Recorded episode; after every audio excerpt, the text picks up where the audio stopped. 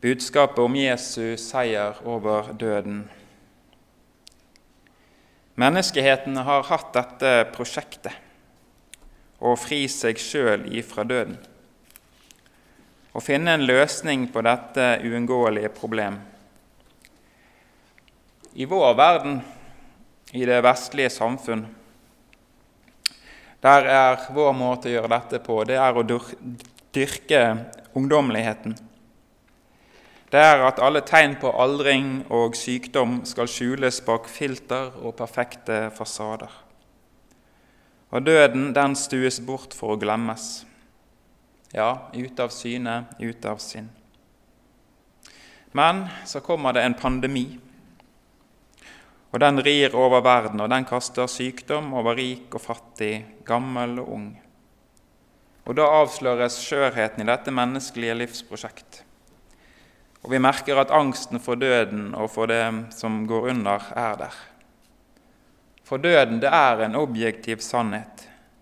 Det er ikke noe som kan defineres bort. Det er ikke et personlig valg. Og sannheten blir igjen, blir igjen tydelig for alle sammen. Livet det er ikke noe vi har i våre egne hender. Men vi er ved godt mot, står det i Bibelen. Det skriver apostel Paulus. For påskedag det er budskapet om en levende Gud midt inn i denne vår døde verden. For påskedag der forkynnes det glade budskapet om seier, om forsoning og om nåde. Og Påskedagen gjør at vi allikevel kan glede oss, om enn vi er i sorg eller uro denne dag. Jesu oppstandelse fra de døde har grepet inn i våre liv og har gjort noe avgjørende nytt med vår død, men også med vårt liv. Døden har ikke lenger noe herredømme over den, over den som er i Jesus Kristus. Men vi er ved godt mot, skriver apostel Paulus. I vår verden tynges vi ennå av det som er tungt og trist og leit. Og Slik er det, og slik vil vi ha det så lenge tiden består. Den som følger Kristus, bærer alltid et kors. Men Jesus' seier er det også vår seier. Og dette, det er den store trøsten. Men vi er ved godt mot, skriver Paulus. Påskedagens evangelium skal synges ut i denne verden i dag. Det er et faktum at Jesus sto opp fra sin grav, at han ble reist opp. La oss derfor hylle Han som er til stede midt iblant oss. La oss synge høytidsverset vårt vårt sammen. Han er oppstanden store bud.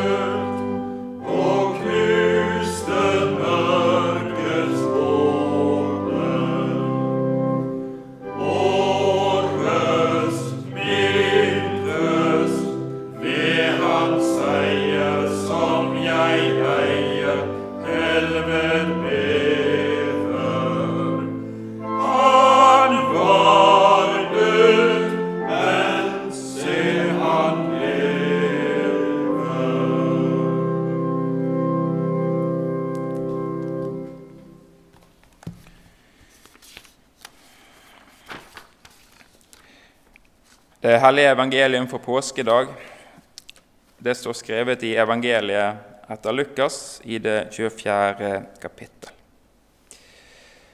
Men på den første dag i uken, tidlig i dagningen, kom de til graven. De hadde med seg velluktende urter som de hadde gjort i stand. Men de fant stein rullet fra graven. Og da de gikk inn, fant de ikke Herren Jesu legeme. Og det skjedde mens de sto der i villrede om dette. Se, da sto to menn hos dem, kledd i skinnende klær. Kvinnene ble forferdet og bøyde seg med ansiktet mot jorden.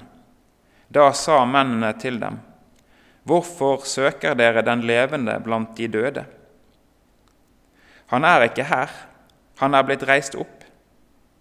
Husk hvordan han talte til dere mens han ennå var i Galilea, da han sa:" Menneskesønnen må overgis i syndige menneskers hender, bli korsfestet og stå opp på den tredje dagen. Da mintes de hans ord.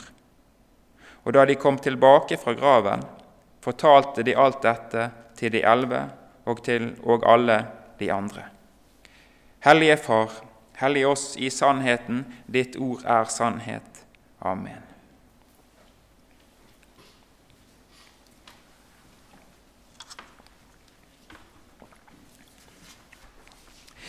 Det hviler en stillhet over hagen. Stillhet den kan oppfattes ulikt. Og på denne dag så oppfattes den samme stillheten på to måter. Den første måten det er den stillheten og det taushetsteppet som legger seg over det knuste håpet. Kjenner du igjen den? Kjenner du igjen det? Når ikke vi lenger har ord for det vonde og det vanskelige. Da det stopper opp alt sammen, og all lyd rundt oss blir som, som, som dempet av, med avmakt. Dette her er en stillhet som vi avskyr. Den andre typen stillhet er den stillheten som råder der alt er i orden, der alt er ferdig, der det er fullbrakt, der det er harmonisk. Den gode julefreden, kan vi kanskje si. Der målet er oppnådd. Når du lener deg tilbake og kan hvile og nyte at det endelig er lykkes, at du endelig er ferdig. Da er stillheten god, og da er den noe som vi ikke vil miste.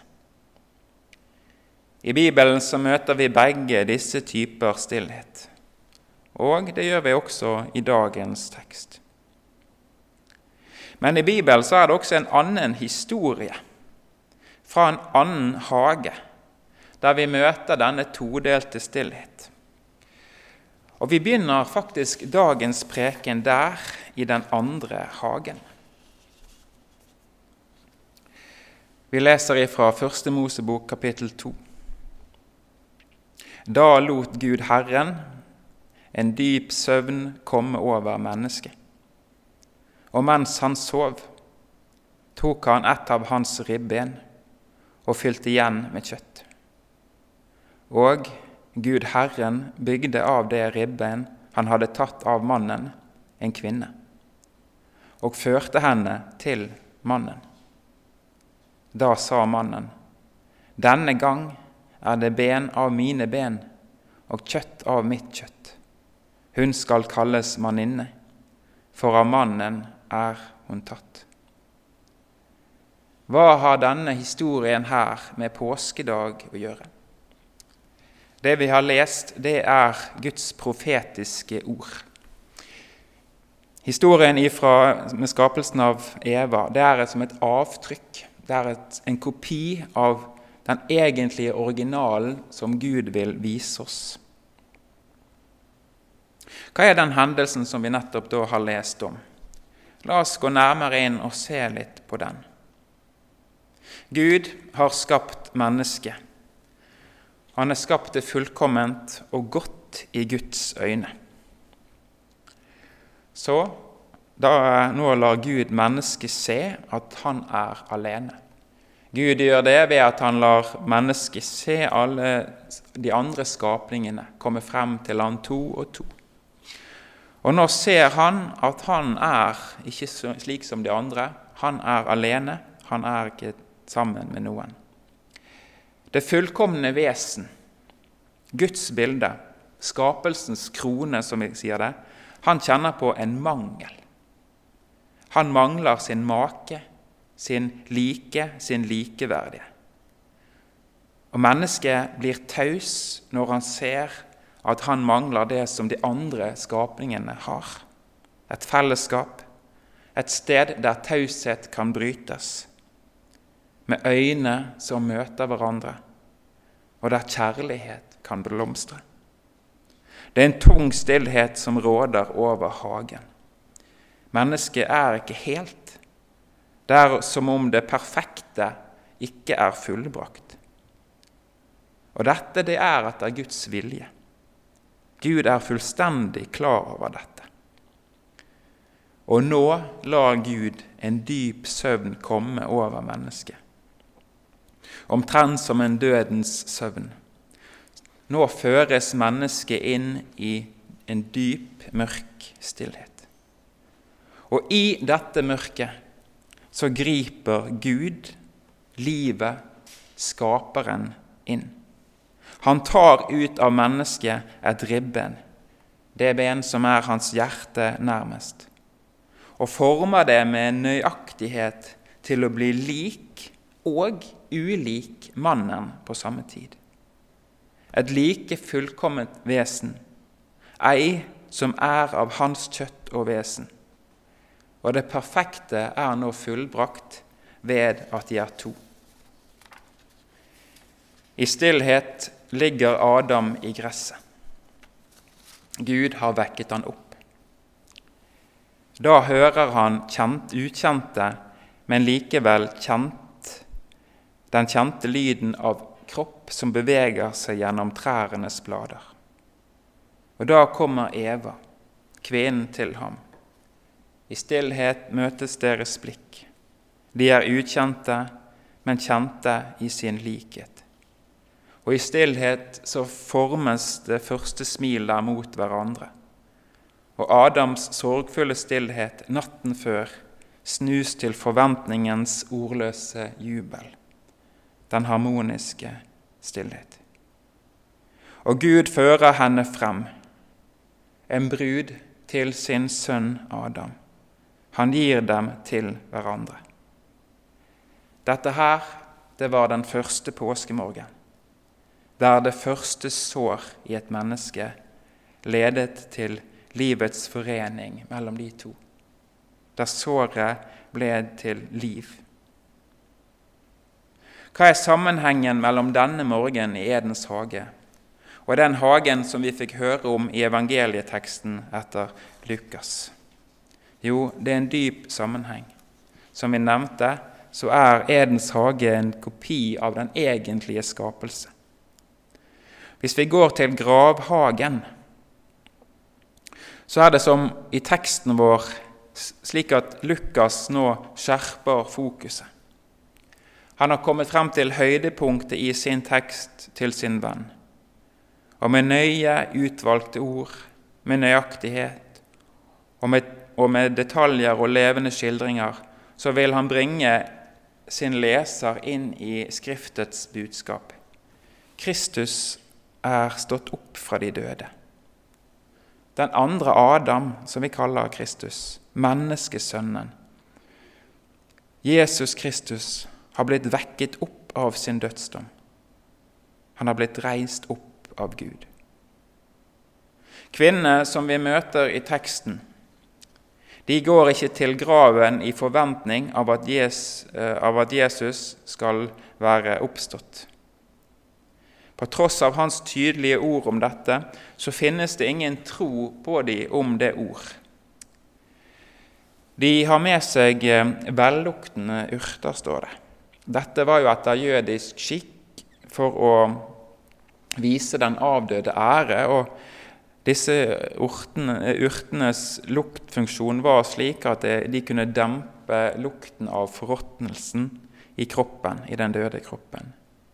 Og På det tredje døgnet så kan vi jo tenke oss at en kropp etter naturens naturlige gang allerede kunne begynne å bli nedbrutt.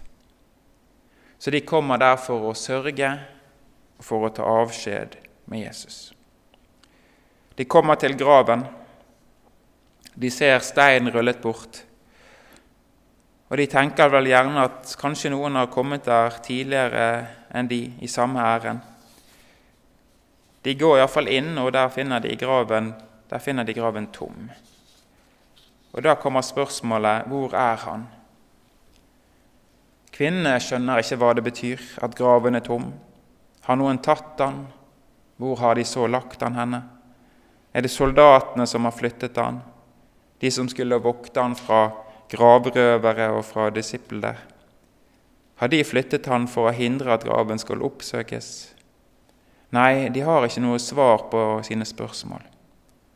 Den faktiske hendelse, at Jesus har kommet tilbake fra døden, at han har blitt reist opp igjen, det er en tanke som ikke streifer dem. Og selv, ikke, og selv ikke med minnet om Lasarus sin oppstandelse noen uker tidligere, så har dette vært en mulighet som har streifet deres tanke om at han skulle stå opp igjen. Så skjer det. Deres spørsmål blir, blir besvart ved at, ved at to menn møter de der, to menn i lysende klær. Og de taler til dem. Hvorfor søker den, dere den levende blant de døde? Han er ikke her, han har blitt reist opp. Gud fører disse kvinnene til den tomme grav for å vise dem at Kristus ikke er der, men at den nye Adam har gått ut for å finne sin Eva, menigheten, også kirken. Han har gått ut for å lete. Du finner ikke den levende blant de døde. Tekstens troverdighet og budskap styrkes ved det at Lukas gjengir historien slik som han har fått den fortalt. Hvis det var løgn, så hadde han komponert den på en annen måte. At de første vitnene var kvinner, ja, det er uvanlig. Kvinner ble ikke regnet som troverdige øyenvitner i en rettssak eller andre forhold i, de, i denne samtid. Og at de er de første, det vekker ikke tillit i samtiden. Men dette tar ikke Lukas hensyn til når han, når han skriver, når han gjengir historien slik som Gud har latt det skje. Nei, han skriver det han har fått hørt, at det var kvinnene som var de første til å komme og se at graven var tom, og at de har fått budskap fra menn i skinnende klær som har fortalt dem at Jesus, som har fortalt dem at Jesus ikke er der. Lukas vil fortelle historien slik den var, ikke for å gjøre den mer samfunnstilpasset, men for å bevare sannheten og løfte frem sannheten. Og sannheten er jo det at det var disse vitner som Gud først utvalgte til å være vitner om oppstandelsen og budskapet om at Jesus har blitt reist opp fra de døde. I denne fortvilelsen som kvinnen har, så ser vi hvordan Gud gir troen på de dødes oppstandelse, troen på påskens budskap, Messias sin lidelse, soningsoffer for synd, død og oppstandelse igjen den tredje dag. Ja, det kan ikke tros uten at Guds ord, Guds ord taler det til dem og til oss. Det er Gud som må gi troen. Kvinnene ble møtt av Guds sendebud, disse to menn kledd i skinnende klær. Vi kaller dem engler, for ordet engel det betyr jo nettopp sendebud. Og Disse sendebudene de kommer med Guds ord til kvinne. De forkynner det glade budskap, som er at Jesus etter Skriftene har stått opp av graven. Ordet når deres ører, og de tror. Tro og gjerning hører sammen, kan vi se da.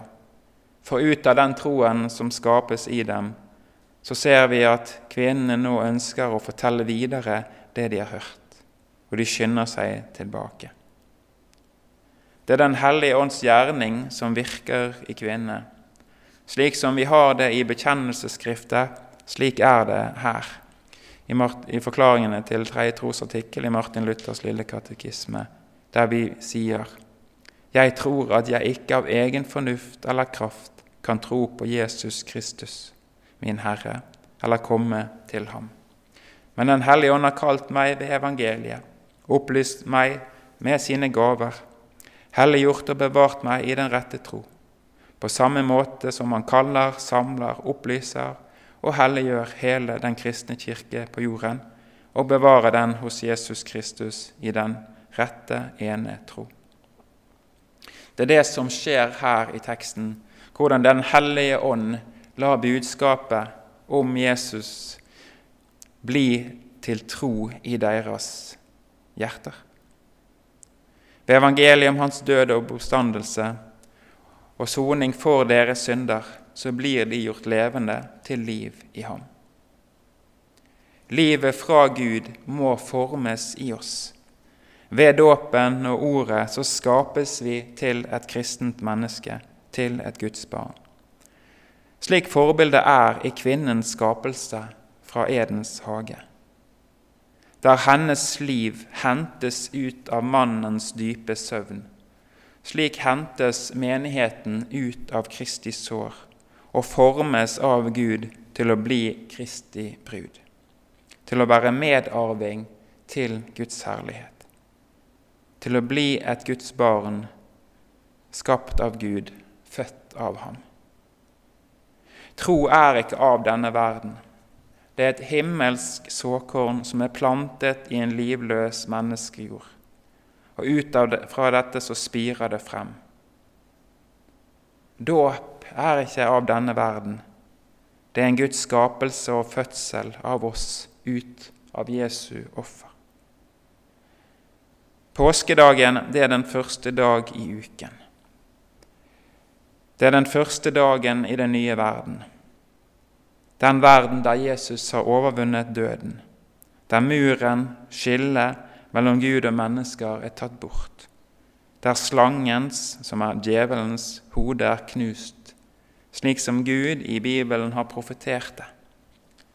Kristus står tilbake med seieren. Vi hørte på langfredag at han måtte drikke vredens beger. Ja, han tømte vredens beger for at vi skulle få drikke av nådens og livets beger. Steinen er rullet bort ifra graven. Dette er jo symbolsk. Det er som om mennesket er den som får komme ut av sin grav. Og at det å gå inn i Jesu tomme grav, det er som å gå inn i rommet til den forsonede Gud, der livet finnes. For Guds evige plan har hele tiden vært å forsone mennesket og Gud på denne måten. Å ta bort avgrunnen mellom ham og skapningen. Vi ser i teksten at Gud er kjærlighet, og at han viser denne kjærligheten ved å gi sitt liv for den han elsker. Jesus måtte dø for å gjøre dette. Han gir alt for å vinne alt. Som Guds folk så er vi også del i denne fortellingen. Kvinnens vitnesbyrd er blitt et vitnesbyrd til oss. Jesus har etter Skriftene stått opp igjen. Den nye verden er her nå. Det er den samme denne morgenen her hos oss, her jeg er og der du er, og alle steder der Guds, der Guds evangelium forkynnes og blir tatt imot. Gud har skapt en brud til sin Kristus, sin sønn, en skapning av hans kropp lik ham, men også ulik. Og dette er oss. Vi som Guds folk føres til ham for å forsones med ham, for å forenes med ham. Og stillheten den omgir dette møtet, slik som det var i Edens hage. Bare en susen av hellig, guddommelig nærvær høres i luften. Kvinnen ser sin Adam hun er jo nyskapt, og hun skjønner nok ikke alle ting som omgir henne. og det nye livet det er for, hennes, er for henne ukjent. Men Gud leder henne frem. Og når hun ser sin Adam, og ser den reaksjonen av synet av henne som formes i hans ansikt, så kjenner hun han igjen som sin like, som sin make. Og fortellingen om disse to, det er forbildet om hva som skjer mellom Kristus og oss. Dette er en virkelighet, dette er vår virkelighet. Vi lever både i en verden nå som er full av kors og vanskeligheter, men vi er også Kristi brud. Og en gang så skal vi feire dette bryllup sammen med Han. Vi er skapt ut av Han, tatt ut av Hans sår, gjort til en fullkommen skapning i ham. Gjort rene, for tilgitt all vår synd. Derfor trenger vi ikke å frykte eller være redde, for i ham så har vi seiret. Ære være Faderen og Sønnen og Den hellige ånd, som var og er og som være skal, en sann Gud, høylovet i evighet. Amen.